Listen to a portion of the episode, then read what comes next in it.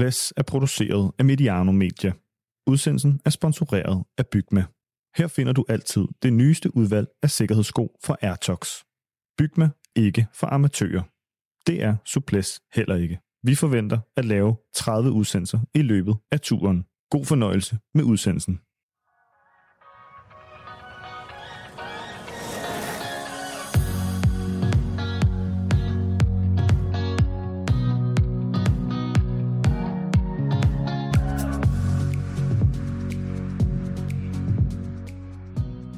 I fodboldens verden taler man meget om ejerskaber.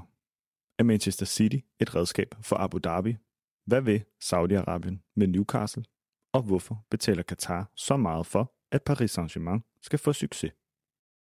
Men i cykelsporten ser man nationale interesser fra de samme lande, men det taler man ikke så meget om. Team UAE Emirates har Tadej Pogacar som en af favoritterne og tidligere dobbeltvinder af turen. Bahrain Victorious kører med i turen, Astana Kazakhstan-team har vi kendt i mange år. Jayco Alula har tætte bånd til Saudi-Arabien, og Israel Premier Tech er til for at promovere Israel som nation. Det skal vi høre mere om i dag. Er det de samme interesser som i fodbolden? Hvordan adskiller cykelsporten sig fra fodbolden? Hvor kommer pengene fra, og hvad er formålet? Og hvordan ser fremtiden ud for cykelsporten?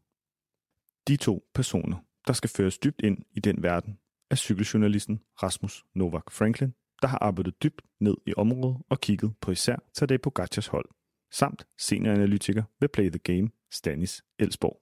Dem kan du møde her. Jeg hedder Rasmus Novak Franklin. Jeg er uddannet historiker, men har siden øh, 2019 dækket cykelsporten. Jeg er først på øh, feltet.dk og siden øh, slutningen af sidste år som freelance på Ekstrabladet. Jeg hedder Stanis Selsborg, og jeg er senior analytiker i Play the Game, et initiativ, der arbejder for at fremme demokrati, åbenhed og ytringsfrihed i international idræt. Og så har jeg i de seneste mange år haft et godt blik på autokratiske regimers politiske brug af sporten. Lad os først få beskrevet cykelsporten i forhold til fodbolden. Hvis vi ser på cykelsport i forhold til fodbold, så er den helt klare forskel jo øh, den popularitet, der er Altså fodbold er den mest globale sport, det er den mest populære sport, det er den, som aller, aller flest mennesker følger med i. Så har cykelsporten det helt særlige, at de i tre uger hver sommer får så ekstremt meget opmærksomhed ved Tour de France. Og det er en af årsagerne til, at mange af de her hold øh, også har fået ejerskaber fra autokratiske regimer. Det skyldes simpelthen cykelsporten sådan helt særlige status hver evig eneste sommer for milliarder af mennesker. Cykelsporten er en, en sårbar sport over for de her øh, former for regimer, når de gerne vil ind i sporten. Altså eksistensgrundlaget på et cykelhold er skrøbeligt. Det er ofte fra hånden til munden, de lever. Man skal jagte en ny sponsor hvert år. Det kan vi se bare nu med Jumbo Visma, som jo ellers var et af de stabile faktorer og stabilt hold. De skal ud og finde en ny sponsor med ganske kort varsel. Og så er vi også bare i en æra, hvor cykelsporten bliver dyrere og dyrere for hvert år, der går. Man skal følge med på teknologien, man skal følge med på kost og ernæring, og det koster bare flere og flere penge at være med som øh, cykelhold. Måske kan man ligefrem tale om, at døren til cykelsporten står mere åben end i andre idrætsgrene. Det, der også er lidt særligt ved cykelsporten i de her år, det er jo, at lande decideret kan købe sig direkte ind og blive øh, faktisk øh, jo det navn, der står på både trøjerne, men jo i virkeligheden også navnet på selve cykelholdet. Det kender vi jo ikke fra for eksempel fodboldsporten. Jeg kan faktisk ikke komme i tanke om andre sportsgrene, hvor det er så tydeligt, som det er i, øh, i cykelsport. Måske Formel 1, men der er det ikke engang landenavn, der kan komme på. Der vil der være en sponsor som, som Red Bull. Så cykelsporten har ligesom skabt en mulighed for lande faktisk at kunne få præsenteret deres land lige op øh, i bedste sendetid. Og det er der, hvor at cykelsporten selvfølgelig er blevet ekstra attraktiv for rigtig, rigtig mange sponsorer fra de her mellemøstlige lande, som har rigtig mange penge at øh, kaste efter sporten. Det er fordi, at man kan stå lige midt på brystet af nogle af de mest populære navne i cykelsporten. Man kan sige, at cykelsporten har altid været et, et, en legeplads for, for flamboyante typer generelt. Altså, vi kan huske jo alle sammen en Oleg Tinkoff, der kommer ind og på mange måder vil nogen mene, destruere Bjarne Rises cykelprojekt. Og de her, så der er ikke så mange reservationer over for, hvem der kommer ind og bidrager til sporten. Så længe der kommer penge på bordet, så har man ikke de her etiske overvejelser i cykelsporten. Altså langt tilbage, så har det, altså i gamle dage var det jo traditionelt, hvad kan man sige, virksomheder, der gik ind, men man er bare blevet vant til, at pengene skal bare komme et, et sted fra. Så det gør det bare igen ekstremt sårbart over for sådan nogle her øh, mellemøstlige projekter i det tilfælde. Men den fortid, cykelsporten har, så har det, det etiske overvejelser altid ligget hos, hvad kan man sige, hos atleten. Du skal holde dig fra doping, og når en sponsor indgår et partnerskab med et cykelhold i dag, så er det jo som regel sådan, at, at, det, er, hvad det, det på, at det er holdene, der skal overholde nogle aftaler. Altså, I skal holde jer fra doping, ellers så trækker vi pengene. Så man kan sige, magtforholdet i cykelsporten ligger ekstremt meget hos sponsoren. De har alle kortene på hånden, og cykelholdene kan ikke gå ind og stille, stiller generelt ikke særlig mange krav til det, øh, hverken etisk eller på andre områder der er også det problem med, når, når et, et, det er det stat, der går ind på et cykelhold, så vil det under alle omstændigheder være skævvridende for konkurrencen. Altså, og det kommer vi også mere ind på senere, men altså, det her med, de kan, en stat kan jo åbne op for sluserne, og der er ikke de samme overvejelser øh, økonomisk, som der for eksempel er hos en supermarkedskæde som Jumbo, som vi for eksempel ser nu, de har ændret deres politik og trækker sig fra al øh, sponsorvirksomhed af sport, både inden for, øh, for Formel 1 og for cykling osv., Hvorimod der er ikke de samme overvejelser hos en stat, der bare kan lægge nogle flere penge, og faktisk også, det kan vi se et godt eksempel på nu, at det største hvad kan man sige, firmaejet cykelhold, Ineos Grenadiers, mister en af deres profiler, Adam Yates, til UAE Team Emirates, fordi de, må vi antage, kan tilbyde en bedre pakke til Yates. Og det er jo ret usædvanligt, at dem, der plejede at være de største økonomisk Ineos Grenadiers, altså et kæmpe konglomerat, de faktisk ikke længere kan holde på deres ryttere, når de står over for de her ja, statsejede projekter. Inden vi går videre til den aktuelle Tour de France, skal vi prøve at forstå, hvorfor der er forskel på, om der er et supermarkedskæde, der hedder Jumbo, eller om det er de forenede arabiske emirater, der er sponsor det, der kendetegner sådan en udvikling i sponsorater, både i cykelsporten, men faktisk også generelt i international idræt i øjeblikket, det er jo, at det ikke længere er de her store supermarkedskæder, eller det er Marlboro, eller det er Canon, eller hvad vi ellers har set på bandereklamer og på trøjer gennem tiden. Det er jo faktisk, at det er stater, der går ind og er sponsorerer store cykelhold, store fodboldhold, øh, eller jo faktisk også har ejerskabet over holdene helt konkret. Vi kender det fra fodboldverdenen med Manchester City, som er ejet af Abu Dhabi. Vi kender det fra Paris Saint-Germain i fodbold, som er ejet af Qatar. Og nu kender vi det så også i cykelsporten, hvor at for eksempel et af de mest toneangivende hold, UAE Team Emirates, ja, der er ejerskabet jo dybt placeret hos den royale familie, hos de forenede arabiske emirater. Og det betyder jo, at når vi sidder og ser på etaperne under Tour de France i øjeblikket, ja, så er det staters interesser, som præger cykelsporten i høj grad, og det er lande som de forenede arabiske emirater, det er Bahrain, og det er også Saudi-Arabien, som virkelig ser ud til nu at vil kaste over cykelsporten. I det følgende vil vi prøve at tage holdene et for et og prøve at beskrive deres setup i forhold til sponsorater, skråstreg, ejerskaber. Vi begynder med det mest prominente hold, Team UAE Emirates. Da UAE Team Emirates det blev lanceret, der var det jo en ret uanselig størrelse, der blev præsenteret der. Det skal lige høre med til historien, at UAE Team Emirates byggede på det gamle italienske cykelhold Lampre. Og det, der egentlig var på tegnebrættet hos Lampre, det var, at det skulle overgå til at være kinesisk ejerskab. Men med ret kort varsel, så trak de her, øh, den her kinesiske bejler sig. Så Mauro Gianetti, der havde cykelholdet Lampre, skulle ud og finde en ny partner. Og han tog ned til øh, de forenede arabiske emirater og bankede på døren. Og de sagde, det kan vi faktisk godt finde ud af. Det er meget lidt, altså de, de, jeg har hørt fra, fra kilder omkring holdet, at de var overrasket over, hvor lidt penge der egentlig skulle til for at drive et cykelhold. Så de synes ikke rigtigt, det var en, en seriøs øh, bejler, der kom, men de sagde ja til det. Og det gjorde jo, at det blev en stille fødsel for det her hold, og det ikke startede som den her, det her store monster, vi ser i dag. Det startede med små ryttere. En Rui Costa var på holdet. Jeg mindes også en Sasha Modolo og andre fra øh, øh, ret øh, profiler på mindre cykelhold, men på ingen måde de superstjerner, vi ser i dag. Langsomt har de så bygget sig op. Og det store skred kom jo selvfølgelig med, at Tadej Pogacar øh, fik sit gennembrud i slutningen af, af 2019-sæsonen, og lige så stille har de så bygget sig op til at være den her magtfaktor på cykelsporten. En proces, der ikke har været ulig det, vi ser i Manchester City jo, hvor at langsomt er det sket, men nu er det her jerngreb, de har om fodboldverdenen, Manchester City, uomtvisteligt med det, de har vundet i år.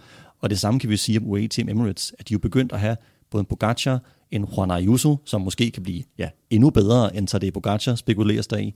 Så den, den størrelse, de antager nu, har været langsom over en 5-6 år, men nu står de der, og de er der, og de er en mægtig force at stå for, også økonomisk. Der er ingen tvivl om, at Way Team Emirates i deres, altså i deres analyseafdeling, af hvad jeg, hvad jeg kan forstå, øh, så er de meget øh, fokuseret på tal. Det er jo en meget moderne tilgang i cykelsporten, og det er det, der også har hjulpet dem til at opdage folk som Tadej Pogacar og Juan Ayuso, er min overbevisning. At de har kigget på, ikke så meget, øh, de har både kigget på mentaliteten hos en Tadej Pogacar, men de har også kigget på en tal, nogle tal og tænkt, ham der, ham kaster vi alt efter, fordi han har potentialet til. Og det er jo en meget moderne tankegang, altså at kunne spotte nogle talenter og vide, dem her, de kan blive verdens største og verdens øh, bedste cykelryttere. Øh, så det er jo det her med, at de jo ikke bare er et, øh, et hold med penge, de er jo også et hold, der har formået at øh, hvad kan man sige, applikere de penge og investere dem de rigtige steder, så de har kunnet træffe kloge beslutninger, i modsætning til måske nogle af de andre øh, statsejede hold, vi skal snakke om her. De forenede arabiske emirater, altså som jo her i forkortelsen er UAE, den internationale forkortelse, er jo en mellemøstlig øh, emirat, som øh, jo i rigtig, rigtig mange år har investeret i sportsverdenen. Både i forhold til kæmpe store sponsorater. Mange vil måske, hvis man følger med i tennisverdenen, være øh, bevidste om Emirates. Mange fra fodboldverdenen vil i hvert fald kæmpe dem fra øh, trøjen på for eksempel Arsenal, har også navnet på deres stadion, eller Real Madrid, eller hvilken klub man, man måtte holde med. De har været i gang i rigtig lang tid. Meget længere end en af dem, vi snakker rigtig meget om i øjeblikket, nemlig Saudi-Arabien. Altså for UAE begyndte det jo i starten af nulleren med meget, meget store sponsorater ind i forskellige sportsgrene. Og så selvfølgelig med overtagelsen af Manchester City i 2008 af Sheikh Mansour, en af de toneangivende øh, øh, personligheder i forhold til deres sportslige strategi.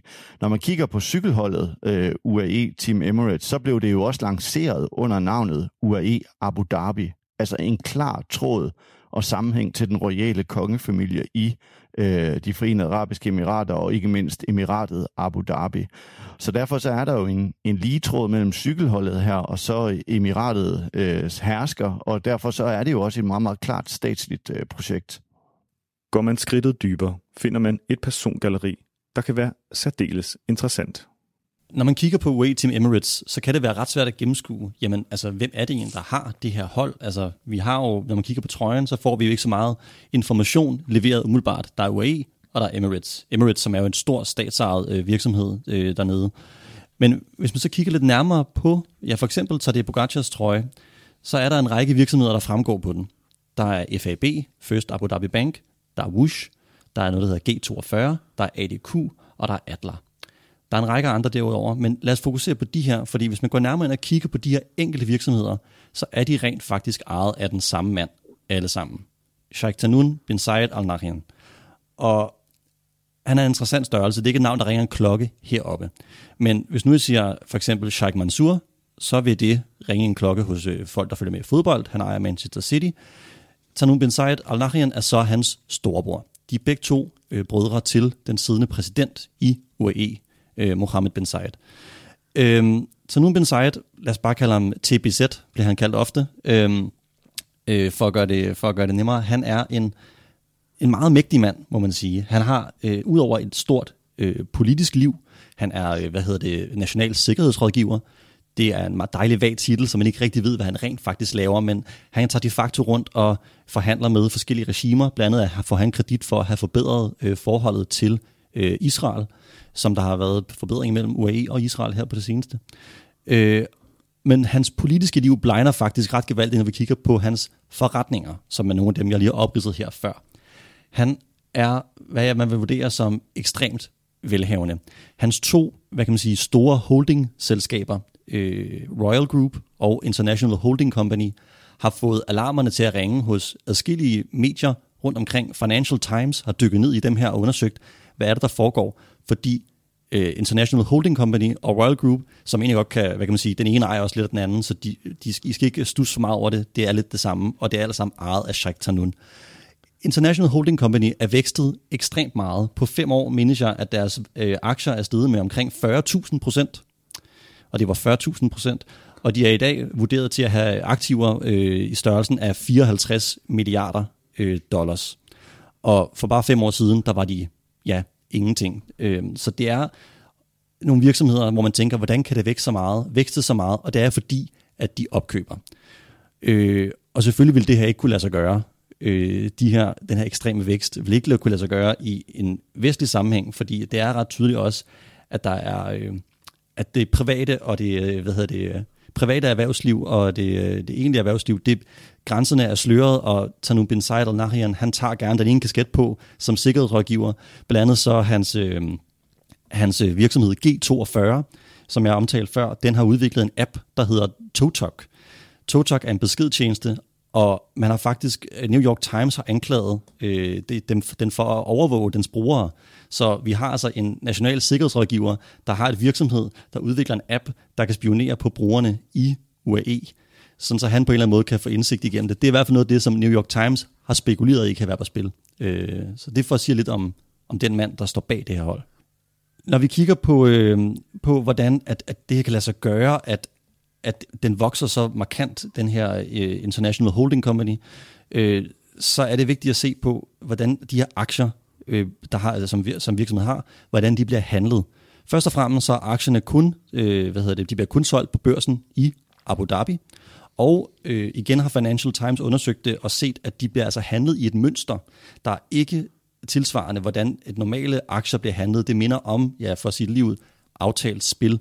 Altså at det er aktier, der bliver handlet frem og tilbage imellem øh, Sheikh Tanuns virksomheder i et, et mønster, der tyder på, at det er planlagt, og det er ikke, man kan ikke bare købe sig ind som en, en investor i de her. Det er i den grad en lukket klub for, øh, ja, for de allerrigeste. Hvis vi kigger på øh, UAE Team Emirates, så noget af det, som der er særlig interessant ved de her meget, meget store mellemøstlige investeringer i sportsverdenen, det er det enorme netværk, der er, og de mange forbindelser og tråde, der er mellem mange af deres forskellige investeringer. Hvis man kigger på for eksempel øh, UAE Team Emirates, øh, en af deres sponsorer, Aldar, så er den jo støttet af Mubadala Investment Company, et statsejet investeringsselskab, som kommer ud af den royale familie fra de forenede arabiske emirater, og som forvalter en meget, meget bred portefølje af aktiver og investeringer for dem. Den investeringsfond er ejet af præsidenten Sheikh Mohammed bin Zayed og Sheikh Mansour, ham som mange vil kende fra Manchester City.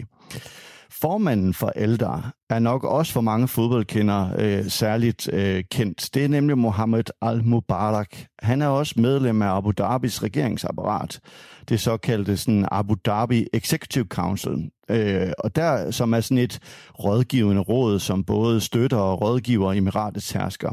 Men den her særlige herre, Mohammed Al-Mubarak, han er jo også formand øh, for Abu Dhabis Ministerium for Kultur og Turisme, som i øvrigt også er en af de, de sponsorer, som Manchester øh, City har. Øh, ligesom at Aldar, altså sponsoren for Team UAE, øh, eller UAE Team Emirates, de sponsorerer også Manchester City. Mohammed Al-Mubarak, han er bror til den meget kendte øh, figur i sportsverdenen, nemlig Khaldun Al-Mubarak. Han er administrerende direktør for den investeringsfond, jeg nævnte før, Mubadala, og så er han formand for Melbourne City i fodbold, Mumbai City, og så sidder han også i bestyrelsen i Abu Dhabis øh, olieselskab øh, og en lang række andre øh, statslige initiativer. Så det vil altså sige, at vi har bare med et firma at gøre her, som har trådet adskillige steder, både i forretningsverdenen, men også i, i sportsverdenen. En af de andre meget centrale sponsorer for UAE Team Emirates, og som er nogle af dem, der ligger rigtig, rigtig mange penge, det er Abu Dhabi National Oil Company. Det er det statsejede olie- og gasselskab, som er ejet og styret i Abu Dhabi, altså dem, som i sidste ende er ejerne af UAE Team Emirates. Øh, den administrerende direktør her, øh, som hedder Al-Jabbar, han er også medlem af UAE's øh, regering, og han sidder som minister for industri og teknologi, og så er han også en del af sådan en særlig udvalgt gruppe for styret i øh, Abu Dhabi. Og Al-Jabbar, han er desuden formand for det statsejede energiselskab Masdar, som er en anden af Manchester Citys store øh, sponsorer. Et vigtigt aspekt af Tanum bin Said al-Nahyans, hvad kan man sige, finansielle muskler, der, hvor man igen ser, at forretningsmanden og politikeren er interchangeable, det er jo, at han blandt andet jo også er blevet øh, valgt som formand for Abu Dhabi Investment Fund, som jo er en enorm, måske den største, en af de største investeringsfonde i verden med aktiver for ja, 790 milliarder dollars. Det er jo et tal, vi dårligt nok kan forstå. Så den her mand, der bevæger sig i de her ekstremt høje politiske lag, samtidig med, at han er forretningsmand og kan have, drive et cykelhold, jamen, hvis han åbner for posen, så kunne han jo købe hele cykelsporten Det kan, kan nok ikke. Man kan i hvert fald øh, skabe det stærkeste cykelhold i hele verden, der vil kunne øh, øh promovere hans, øh, den statslige agenda i UAE. Udover UAE Team Emirates en klar forbindelse til den herskende familie i øh, de forenede arabiske emirater, så er holdet jo altså også sponsoreret af Emirates. Et af de forenede arabiske emiraters to meget centrale flyselskaber, hvor det andet jo er Etihad, som også sponsor øh, Manchester City, og som jo også lægger navn til klubbens stadion. Flyselskabet Emirates, det blev øh, for mange, mange år siden grundlagt af politikeren og milliardæren Ahmed bin Said Al Maktoum, altså som er en del af Dubais regering Al Maktoum-familie. Og øh, han var på det tidspunkt faktisk også forsvarsminister i de forenede arabiske emirater. Han er onkel til lederen af Dubai, og han er vicepræsident øh, og vicepræsidenten for de forenede arabiske emirater. Emirates som sponsor er jo en af de største aktører i sportsverdenen, og de har enorme investeringer. Ikke mindst jo gennem sine mange, mange forskellige sponsorater inden for fodbold, hvor de er på Milans trøje, Arsenals, de er sponsoreret af det asiatiske fodboldforbund, Real Madrid. Øh, de er jo også navnesponsor for The Emirates FA Cup i øh, britisk øh, fodbold. Men de har også investeret massivt i tennis. De er øh, hovedsponsor for US Open. De er hovedsponsor for French Open. De er hovedsponsor for øh, Dubai Tennis Championship, Australian Open, og så er de også meget, meget massivt til stede i øh, rugby og, og hestevedløb. Øh, og så synes jeg jo bare lige her til sidst, at jeg vil nævne, at øh, i forhold til de forenede arabiske emirater, så er det jo ikke kun sponsorer via store øh, statsejede selskaber. De afholder jo også en lang række store sportsbegivenheder, som Formel 1, tennisturneringer, golfturneringer, UFC-kampe. Øh, de har haft klub-VM i fodbold. De har preseason-kampe for NBA, som bliver afholdt i Abu Dhabi. Det startede sidste år og skal fortsætte i en lang overrække. Så de er ekstremt meget til stede i sportsverdenen for igen også lige, nu har vi kigget en del på, på de navne, der var på trøjen. Vi har snakket om Emirates, vi har snakket om Tanum Bin Zayeds øh, virksomheder, som er på, øh, på UE-holdets trøje. Men hvis vi bare zoomer billedet bare lidt ud, så kan vi se, at hans, hvad kan man sige, at de her lad os kalde det tentakler, de faktisk går endnu længere. Altså den cykel, som Pogacar sidder på, Colnago, er blevet, også blevet opkøbt af Sheikh Tanum bin Zayeds holdingselskaber. Så det tidligere italienske cykelmærke nu er ejet af Emiraterne også, og blandt andet har de åbnet en ganske fin hvad hedder det, hvad hedder det, butik nede i Emiraterne, som Pogacar var med nede og åbne øh, med håndtryk til, til præsidenten og det hele selvfølgelig. Og hvis vi kigger endnu dybere ind i selve bestyrelseslokalerne på UAE Team Emirates, så er der den virksomhed, som, som, som driver holdet, består af, af fire øh, medlemmer i den bestyrelse. To af medlemmerne, det er øh, Mauro Ginetti og hans søn, som øh, også drev det gamle Lamprehold, som jeg nævnte før. Men de to andre i bestyrelseslokalet hedder Matar Suhail al-Yabuni al-Dahedi og Chandra Ram. De to er interessante, fordi de, deres navne siger os naturligvis ingenting. Al-Dahedi, som er den første, jeg nævnt, han er præsident for ETM Emirates, men derudover så sidder han også som, øh, som CEO i to virksomheder, og begge de virksomheder er naturligvis ejet af Sheikh Tanun bin Said al Nahyan øh, faktisk har hans virksomhed øh, til huse i samme bygning som International Holding Company. Så igen, det er Tanuns mand, det her. Chandra Ram, en indisk forretningsmand, som var det sidste medlem af bestyrelsen i UAE Team Emirates, han har sjovt nok en stor stilling i Royal Group, som også var Tanuns virksomhed. Så hvad kan man sige, det er ikke kun på trøjen og økonomisk, at øh, at det er, det, det er kongefamilien i UAE, der har besluttet noget. Altså inde i selve bestyrelseslokalet, der har de altså 50 procent af medlemmerne. Næste hold, vi kigger på, er Bahrain Victorious. Knap så dominerende som UAE, men til gengæld et hold, der har boykottet TV2, blot for at stille spørgsmål om holdets ejerskab og forbudt rytterne at tale om det. Bahrain Victorious er jo lidt en sjov størrelse, fordi at, man kan sige, de har løbet et par løb med UAE Team Emirates. Øhm, deres øh, holdet er ejet af Sheikh Nasser bin Hamad Al Khalifa, som er en, en ganske interessant skikkelse også, og faktisk om nogen øh, knap så lyssky som Tanun bin Zayed, så vi ved faktisk lidt mere om den her mand. At han er øh, tidligere soldat, han er øh, hvad hedder det, kommanderende fra den royale garde i, øh, hvad hedder det, i Bahrain, og så har han også været, så vidt jeg kan forstå, har han også været udsendt i Yemen. Fordi det hænger jo sådan sammen, at øh, både UAE og Bahrain og også Saudi-Arabien har været dybt involveret i øh, borgerkrigen i Yemen, øh, hvor der er jo at, at tusindvis af døde. Og igen, der står vi med nogle med det her problem, at når et cykelhold er repræsenteret af en stat, så trækker det nogle tråde med ind til cykelholdet og kaster nogle skygger. Øh, Al-Khalifa har blandt andet blevet anklaget for at have, hvad hedder det, tortureret øh, mennesker under det arabiske forår, der sjovt nok ikke holdt så længe i Bahrain, for der er slået rimelig hårdt ned på det. Øh, og det har der blevet skrevet en del om i forhold til den her mand, som i øvrigt kun er hvad, 36 år gammel i dag. Øh, så han kan jo holde det her projekt kørende i, øh, i mange år endnu. Bahrain er nok for de fleste en lille smule øh, mindre kendt i forhold til deres meget store agering i sportsverdenen, hvis vi sammenligner dem med for eksempel Katar eller Saudi-Arabien eller de forenede arabiske emirater, men de er faktisk ret massivt til stede.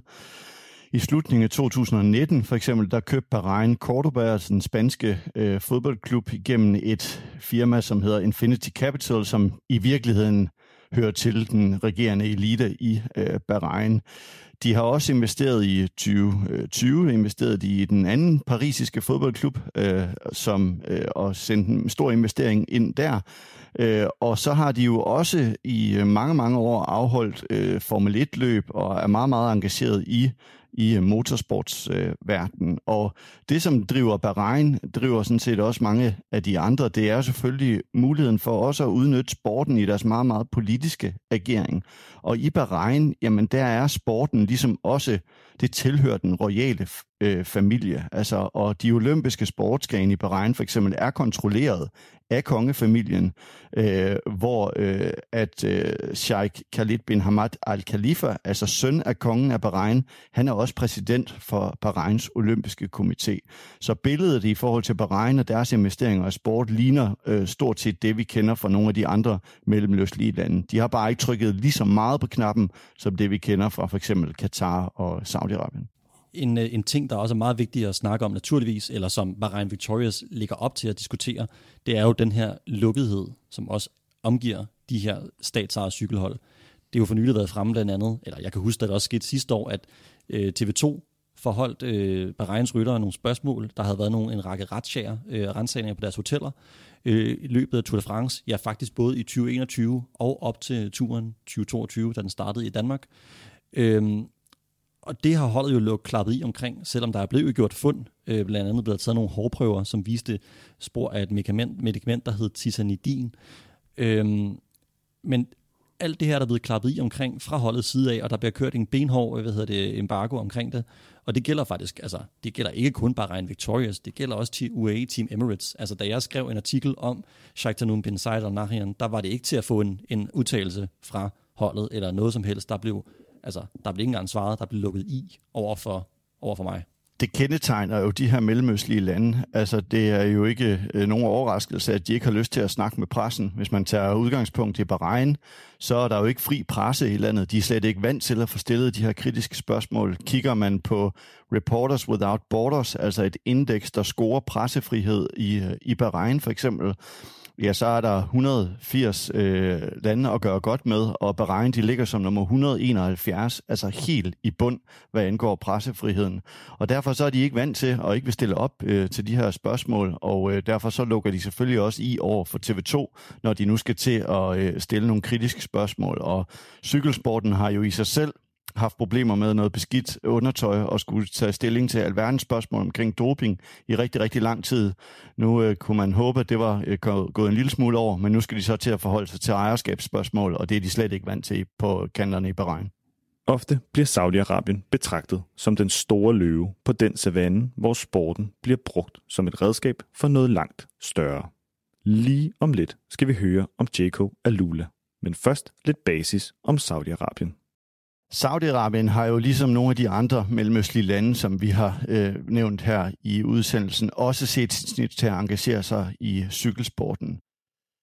De er så også engageret alle mulige andre steder i sportsverdenen, og det skyldes jo først og fremmest, at Saudi-Arabien i løbet af 2015-2016, da Mohammed bin Salman, altså kronprinsen i Saudi-Arabien, lancerer den her nye strategi for landet, blandt andet at gøre dem fri af olieindtægterne, at man er nødt til at diversificere økonomien. Da han lancerer den plan i 2015-16 stykker, der skyldes det jo blandt andet, at man er nødt til at kigge sig om efter andre områder at investere i, for også at gøre sig gældende i det internationale geopolitiske system. Og der bliver sporten helt afgørende for hans strategi, og det betyder også, at de er en lille smule bagefter, når vi kigger for eksempel på de forenede arabiske emirater eller Katar. Der er Saudi-Arabien kommet en lille smule senere ind i sportsverdenen. Øh, men det har de så rådet både på i de seneste par år og har investeret meget, meget massivt i blandt andet fodbold, golf, motorsport, og nu ser de så også et snit til at kaste sig over cykelsporten. Og de har ligesom mange andre autokratiske ledere set, hvordan man igennem sporten kan gå under den her normale politiske radar, altså hvor man via sporten faktisk kan opøve et nyt netværk, nye diplomatiske forbindelser, nye handelsaftaler rundt omkring i verden. Og der er Saudi-Arabien helt unik i sportens verden i øjeblikket, og nogle af de allerdygtigste til at bruge sporten i deres geopolitiske agenda. For Saudi-Arabien er casen jo en lidt anden, end når vi for eksempel kigger på Katar, som da de begyndte at investere i sporten, jo i virkeligheden var en mini nation når vi kiggede i det internationale politiske system. Der står Saudi-Arabien et helt andet sted politisk set, og de ønsker også at konkurrere med nogle af de allerstørste magter i international politik. Det er Rusland, det er USA, det er Kina. Der ønsker Saudi-Arabien også at placere sig øh, helt op i toppen der. Og de har momentum i øjeblikket på grund af de enorme summer af penge, der flyver ind i statskassen på grund af olien, som de kan sælge rundt omkring i verden, og som ikke mindst er blevet større efter at Rusland er trængt ind i Ukraine. Der har omverdenen skulle finde andre steder at få deres olieforsyninger fra, og der har man kigget mod Saudi-Arabien. Så de står lige nu i en gunstig position, hvor de faktisk kan gøre sig endnu større og endnu mere gældende i det geopolitiske magtspil, og derfor så har de også en kæmpe ambition om at blive en stormagt i international politik. Vingefanget er ofte stort, når nøglepersonerne i det saudiarabiske lægger planer. Noget af det, som Saudi-Arabien gør rigtig godt i forbindelse med deres sportslige strategi, det er, at de aktiverer, aktiverer andre statslige projekter i deres strategi. For eksempel Neom, den her hypermoderne by til 500 milliarder dollars. Jeg kan kun anbefale alle lyttere at prøve at hoppe en tur ind på YouTube og se, øh, hvor vild og hypermoderne den faktisk er. Det er en by, som både skal repræsentere det nye Saudi-Arabien, et teknologisk højteknologisk samfund, men det skal også signalere, at Saudi-Arabien er i gang med at skabe nye områder og nye byer til den meget, meget voksende unge befolkning i Saudi-Arabien, som man skal tilbyde noget andet, når man nu ikke kan tilbyde dem basale menneskerettigheder eller frihedsrettigheder. Og der er Neom ligesom blevet sådan et særligt varemærke for Saudi-Arabien, både internt for lokalbefolkningen, men også udad til til verdenssamfundet. Prøv at se her, hvor enormt dygtige vi er på det teknologiske område. Prøv at se en hypermoderne by, vi kan bygge. Det ligner nærmest øh, noget for fremtiden. Men de aktiverer så også Neum direkte ind i sportens verden og i sportslige sponsorater. For eksempel er Neum stor sponsor på øh, øh, fodboldturneringer, øh, både øh, den spanske øh, Supercup, som jo bliver afholdt i Saudi-Arabien, så de aktiverer faktisk også de her statslige projekter direkte ind i, øh, i sportsverdenen. Og noget af det, som jo så i de her dage får enormt stor opmærksomhed, hvad angår Saudi-Arabien, det er jo deres store opjustering i forhold til den nationale liga, hvor at de jo har gjort flere af klubberne til statsejede projekter, altså Public Investment Fund, den fond, vi kender fra ejerskabet af Newcastle øh, United, de har også fået ejerskabet over fire klubber i Saudi-Arabien. Og deres engagement i fodboldverdenen er hidtil uset, øh, og det er ikke noget, vi har set før. Det er enorme summer, de kaster ind i det, og det har flere aspekter. Det handler blandt andet om at tilfredsstille lokalbefolkningen, men det handler også om den store VM-drøm, som Saudi-Arabien har, om at få VM arrangementet til landet. Og derfor vil de gerne signalere til både øh, omverdenen, men i særdeleshed til FIFA-toppen om, at ja, vi vil både afholde jeres sportsbegivenheder, men vi vil også investere i den sport, I elsker så meget. Og derfor så er et led i den strategi om at putte så mange summer i den lokale liga, det handler selvfølgelig om, at man gerne vil have VM til landet. Hvis ikke det bliver i 2030, ja, så bliver det nok i 34. Så er vi fremme ved cykelsporten og holdet Jaco Alula. Lad os lige få dem på plads. Jaco Alula er jo, er jo en, øh, efterhånden et ret velkendt hold i cykelsporten. De har haft, øh, de har haft mange øh, navne. Mitchelton Scott, Bike Exchange og Jayco undervejs. Det, er, det var baseret på, hvad kan man sige, en australsk drøm foranledet af forretningsmanden Jerry Ryan, der ejer virksomheden Jayco.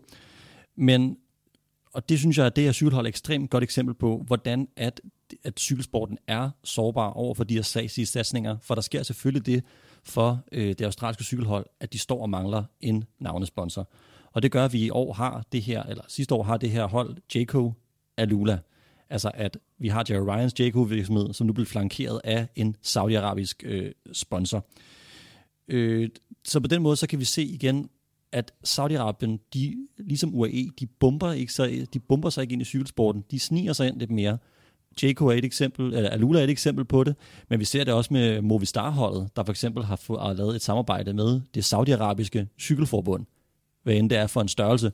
Øh, jeg kender ikke til særlig mange saudiarabiske hverken cykelryttere eller øh, cykelhold.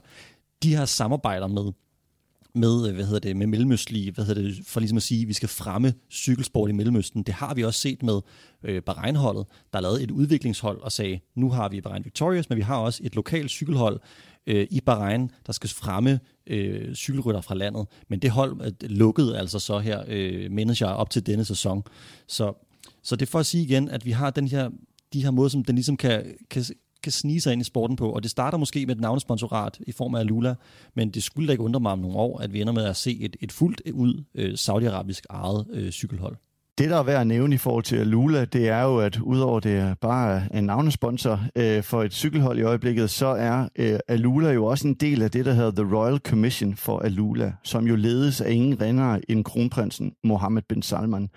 Alula er et andet øh, projekt, som stammer ud af den her Public Investment Fund, som i virkeligheden handler om, at man ønsker at iscenesætte Alula og den kulturhistorie, som Saudi-Arabien bygger på, for selvfølgelig at tiltrække øh, turister. Men Alula er så, ligesom vi kender det fra Neum eller nogle af de andre statsejede øh, projekter fra Saudi-Arabien, så engagerer man det også i sportens verden. Og Alula er for uden at være en del af, af Jaiko Alula som navnesponsors, jamen så er det også storsponsor for Saudi Tour, altså en af de store cykel begivenheder, der bliver afholdt i Saudi-Arabien hvert år. De er også meget, meget øh, stærkt øh, til stede i hestesporten. De er øh, til stede i øh, løb og så videre, så de engagerer sig ligesom også endnu mere ind i sportsverdenen. Og det, der jo er det centrale her, det er, jamen det kan godt være, at Team J.K. Alula ikke er ejet af Saudi-Arabien, men det firma, som indgår i navnet, ja, det er styret af Mohammed bin Salman, altså den de facto leder af det saudiarabiske styre.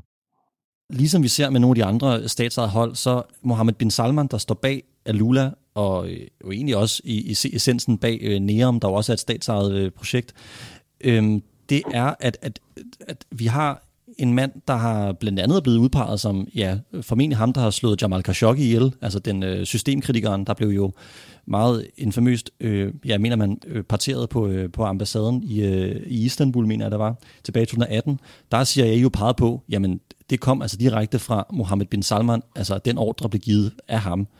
Øh, Mohammed bin Salman er også en mand, der ikke er bange for at tage fløjelshandskerne af, når det handler om at konsolidere sin position i Saudi-Arabien.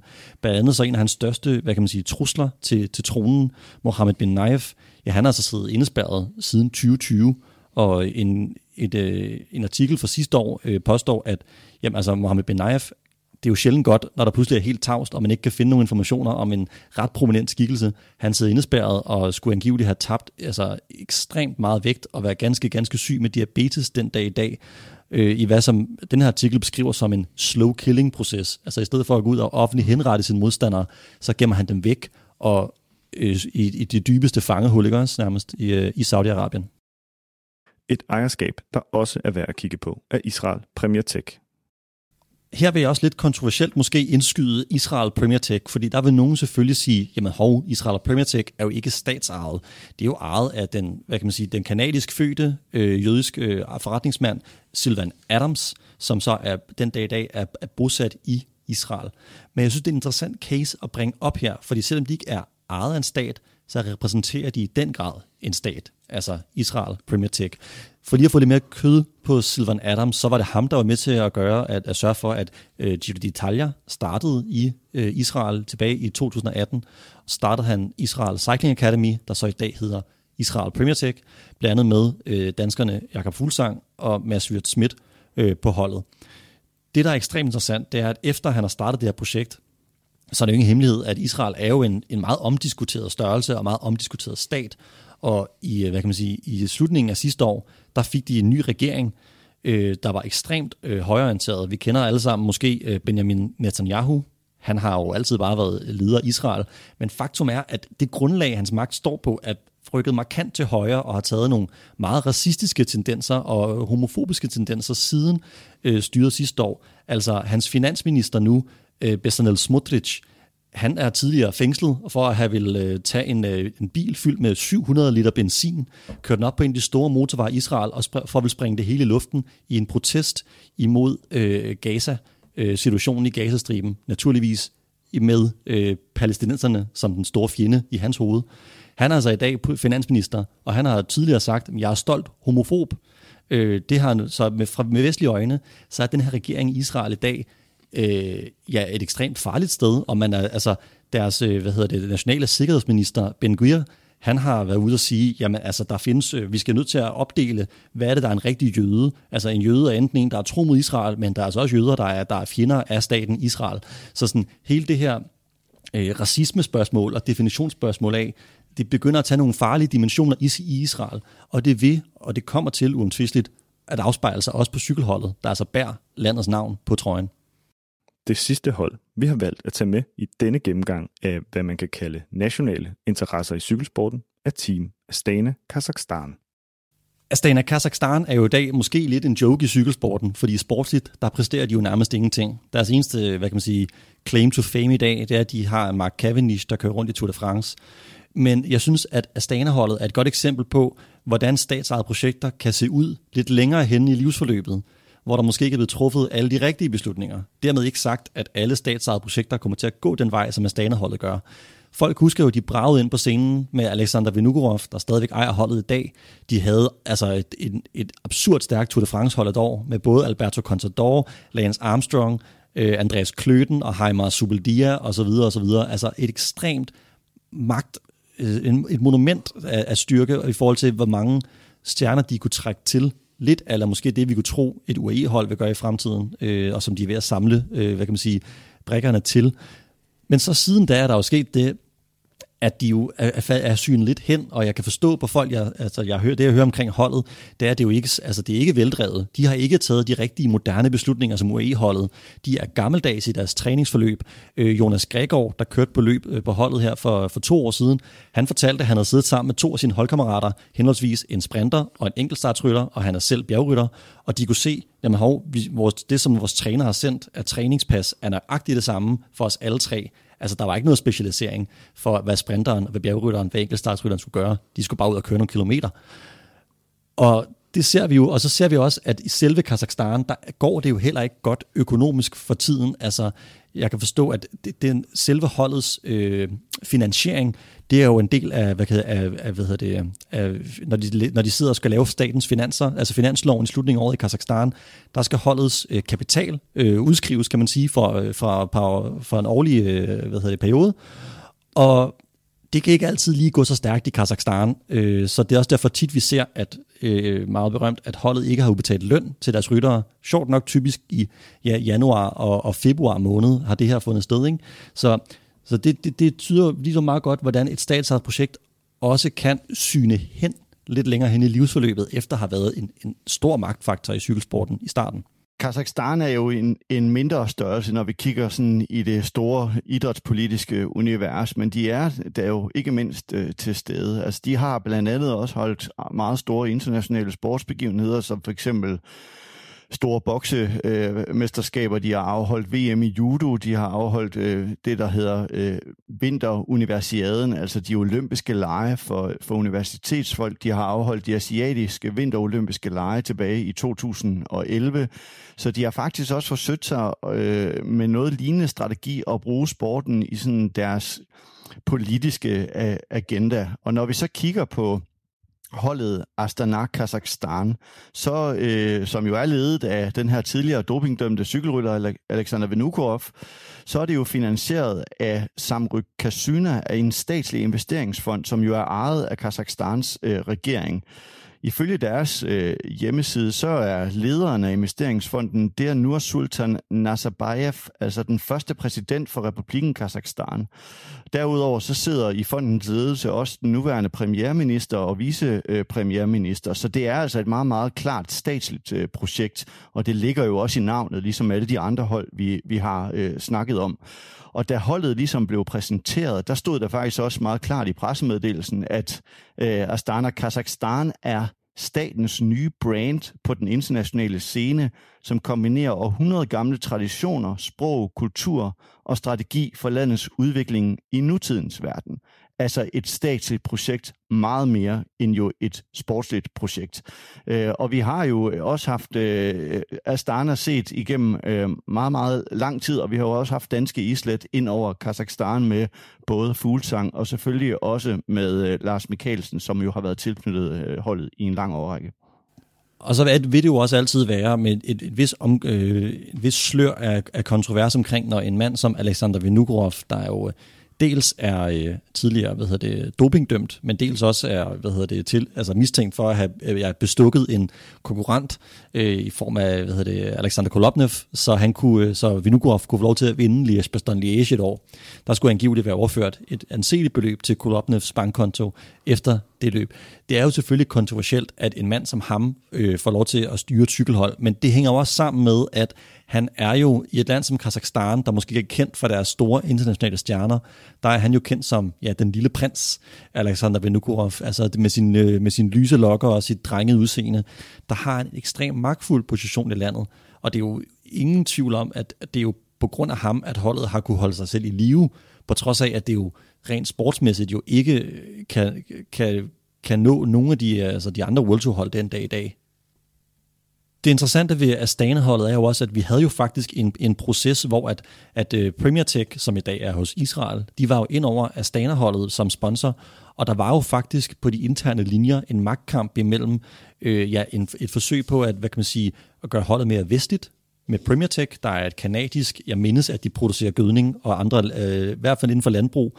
Så det her kanadiske landbrugsvirksomhed forsøgte at gøre Astana-holdet mere vestligt, det var blandt andet øh, noget, som Jakob Fuglsang, der var på holdet, var en, en ivrig fortaler for. Han var i hvert fald stor fan af, af Premier Tech og deres, øh, deres CEO. Men den her magtkamp blev altså tabt af de her øh, Premier Tech og den lejr, så der var flere, der måtte forlade holdet, altså i, i ledelsen, og en øh, Alexander Vinugorov, der faktisk i en periode var ude af billedet i holdet, han blev så hivet ind igen efter den her, hvad kan man sige, magtkamp var vundet, og man må antage, at det er, at det er på de, øh, på de, øh, de højere politiske linjer i Kazakhstan, at der er blevet slået i bordet, og man har sagt, nej, det er den her vej, vi går, og det, det er vores øh, statsejet projekt. Så på den måde igen, når vi snakker om et livsforløb for statsejet projekt, der har altså Starner jo været ude for nogle interessante ting, øh, og nogle interessante konflikter, som også vi kan se måske med nogle af de andre projekter øh, på længere sigt. I hvert fald er det noget af det, vi kan analysere, når vi nu skal til at kigge på generelt øh, statsejet hold, for der kommer jo måske bare flere og flere til. Til sidst skal vi prøve at kigge lidt frem. Er disse ejerskaber og sponsorater noget, man ser lige nu, eller er det bare begyndelsen til sporten som et redskab for større interesser? Den udvikling, vi ser i cykelsporten i øjeblikket, hvor vi ser de her meget, meget statslige interesser, og jo i virkeligheden statsejet cykelhold, det er kun begyndelsen til noget meget, meget større for de mellemøstlige lande og de autokratiske regimer rundt omkring i verden. De har set, at idrætsverdenen ikke har en mekanisme til at sige nej, eller i hvert fald ikke har udvist lyst til at sige nej til de her statslige interesser. Så cykelsporten kan lige så godt indstille sig på, at det bliver en meget, meget større del af sporten, og det skulle ikke undre mig, at vi om meget, meget kort tid også vil se nogle af de øh, hold, vi har så kært i Danmark, øh, nemlig øh, Vingegårds hold, også have store statslige interesser. Vi har hørt rygter fra hollandske avis om, at Saudi-Arabien er på vej ind med et øh, bud på øh, Vingegårds hold. Det, cykelsporten er ikke gearet til at modstå de her kræfter. Altså, så kan man, cykelsporten er i forvejen ret, øh, hvad kan man sige, øh, svagt stillet. Den økonomiske model i sporten er jo sådan, at, at de penge, der kommer, der er de indtægter, der er på et cykelhold, ja, det er de penge, som sponsorerne ligger. Øh, der er ikke nogen billetindtægter, der er ikke nogen øh, tv-penge, hvilket er et kæmpe problem. Altså, vi har verdens største cykelløb, Tour de France, og alle tv-indtægterne fra det, de falder på øh, til ASO øh, primært. Og vi har, øh, så ser vi måske nu, at når man nu vil de gerne have, have race radio, så vi kan få øh, live-transmissioner fra holdenes øh, løbsbiler. Jamen, det får holdene måske nogle håndører for, at, at, at de får lov til at blive lagt ud øh, til frit skue i øh, bedste sendtid. Og Netflix gav jo heller ikke særlig mange penge til cykelholdene. Jeg mener, det var 50.000 euro. Øh, så vi kan jo bare ikke selv nu, hvor vi har alle de her, ja, måske øh, hvad kan man sige, popkulturelle øh, indslag, som kunne give noget indtægt til cykelholdene, jamen igen, det går deres næse forbi. De tjener ikke nogen penge på det. Så naturligvis, så vil de ikke kunne modstå, når der kommer en stor sponsor og siger, vi kan give jer 10 års sponsorat for x antal millioner øh, dollars og euro. Det kan cykelsporten ikke modstå. Så hvis de har lyst, så kan de bare komme og tage den jo. Et i øjefaldende element af denne problematik er debatten om det, eller manglen på samme. Det har fyldt meget i fodboldens verden, men det fylder mindre i cykelsporten. Jeg synes, det der er interessant ved, ved hele øh, cykelsporten og den, den debatten om de statsejede cykelhold, det er jo dens manglende... Øh, altså, den er, den er ikke på forsiderne af de forskellige, hvad hedder det... Og det er jo nok fordi også, at vi har et større fokus på individet i cykelsporten. Altså, vi snakker om øh, Tadej Pogacar først, vi snakker ikke rigtig så meget om, hvad det er, han har på trøjen, og hvad det er, han rent faktisk repræsenterer. Så i en individuel sport med, med stjerner som Tadej Pogacar, der kan give noget, noget credibility og noget validitet til et øh, statsejet projekt, så vil det tage længere tid i hvert fald, før vi overvejer det, for, øh, hvad det er, det rent faktisk, der, der, der er på trøjen, og hvilke kræfter, der står bag. Der er jo en grund til, at uh, Tanun Bin Said al han ikke har kunnet Øh, han har kunne holde sig lyssky og ude, altså der er aldrig nogen billeder med ham og cykelholdet UAE Team Emirates, fordi fokus er jo på en posterboy som Pogacar og andre stjerner på holdet. I virkeligheden er det jo fodbolden, som er udstikkeren, også i den henseende i forhold til, hvor debatten er i dag. Der vinder cykelsporten jo sådan set bare om resten af idrætsverdenen. Altså, der er ingen sportsgren, hvor den her debat fylder noget som helst håndbold, som jo har afholdt et VM i Katar, har afholdt en perlerække af klub-VM'er i Katar, som nu afholdes i Saudi-Arabien. Der har man ikke debatten. Øh, Katar ejer også en håndboldklub i Paris, ligesom de ejer en fodboldklub. I tennisverdenen har man slet ikke haft debatten om den. Vi snakkede tidligere om det store indtog fra øh, Emirates i tennisverdenen. Der er en hav af turneringer i Mellemøsten, i Dubai øh, og så videre. Så i virkeligheden ligner cykelsporten bare resten af idrætsverdenen, og det er jo desværre tankevækkende, for det betyder jo, at så debatten også ikke, ikke eksisterende i mange andre sportsgrene. Og det er nok virkeligheden også post VM i Katar i fodbold. Det er faktisk, at debatten ikke rigtig blusser op, medmindre det handler om fodbold.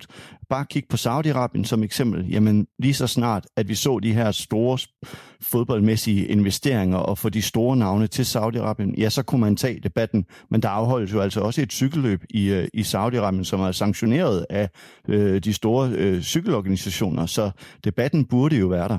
Det sted, det skal starte først som sidst, hvis vi skal nødt til at forholde os til de her problemer, der er med det statsejede, det er jo selvfølgelig, at vi er nødt til at kigge på medierne jeg skal ikke pusse min egen glorie. Jeg har skrevet en, øh, en artikel om Tanum bin Said al-Nahyan. Det er det, jeg har, ligesom har bidraget med til den her diskussion. Men vi er nødt til, især under Tour de France, som er det, vi ser lige nu, hvor hele verdens øjne kigger med, hele familien Danmark følger med på, ja for eksempel TV2, der er de jo nødt til at tage de her ting op der er taget et lille bitte spadestik. De stillede nogle spørgsmål til Bahrain sidste år, og så har de ikke fået lov til at sagt noget til dem. Men jeg synes jo ikke, der er blevet udfoldet nogle større tematikker omkring det. Og da jeg skulle sidde og grave ned i øh, Tanum bin Zayed, der var der jo ikke skrevet øh, et ord fra noget større medie nogen steder om den her mand, som jeg jo gennem nogle Google-søgninger kunne se, jamen det er jo ham, der rent faktisk styrer UAE Team Emirates. Så der er jo ikke taget noget initiativ fra hverken danske, der skal ikke peges nogen fingre her, eller udenlandske medier til at kigge på nogle af de her ting. Og den det skal der ske. Det skal der ske noget med, så vi kan få oplyst om det. Fordi så, folk har jo ikke nogen mulighed for at gennemskue UAE Team Emirates, hvad der rent faktisk er bag trøjen og bag øh, Pogacar og under ham og sådan noget der. Det skal komme fra medierne, den, oplysning, den oplysningskampagne. Jeg tror også, at vi skal til at forstå, at der er noget meget større på spil for idrætsverdenen. Altså i øjeblikket ser vi statslige interesser komme i en styrke, som man nok ikke havde regnet med for ret mange år siden, og det skyldes blandt andet Saudi-Arabiens engagement i sportsverdenen. Og man bliver nødt til at kigge på det her med de statslige interesser, for de overtager fuldstændig de sportslige. Det betyder sådan set, om det er fra Mellemøsten, om det er Kina, Rusland eller europæiske lande, politiske interesser i sportsverdenen fører meget, meget sjældent noget godt med sig. Og det tror jeg, at medierne i højere grad skal begynde at fokusere på i et meget, meget større perspektiv, end at det lige er et særligt enkelt land, som de forenede arabiske emirater, eller Katar, eller Kina, Rusland, øh, eller Storbritannien, eller Frankrig. Så tror jeg, at vi skal prøve at hæve den debat højere op. Og så handler det selvfølgelig også om, at man skal passe på med at sige, at nu har vi skrevet om det sidste år, så nu behøver vi ikke gøre det igen. Fordi sporten skal der nok blive skrevet om, men der er jo stadig et oplysningsgrundlag, øh, som der er behov for, og der er behov for at blive ved med at sætte fokus på de her øh, historier. Og jeg tror, kontinuiteten i sportspressen er også noget, man bliver nødt til at se på. Nu er Katar over, men der er rigtig meget andet at holde øje med på skyggesiderne i sportsverdenen. Du har lyttet til en Suples Special. Vi laver selvfølgelig analyser af etaperne hver eneste dag under turen. Det kan vi gøre på grund af vores samarbejde med Bygma. Men vi vil som i alle andre dele af Medianos udgivelser også gerne prøve at gøre lytterne klogere på sporten og dens omgivelser. Tak fordi du valgte Suples.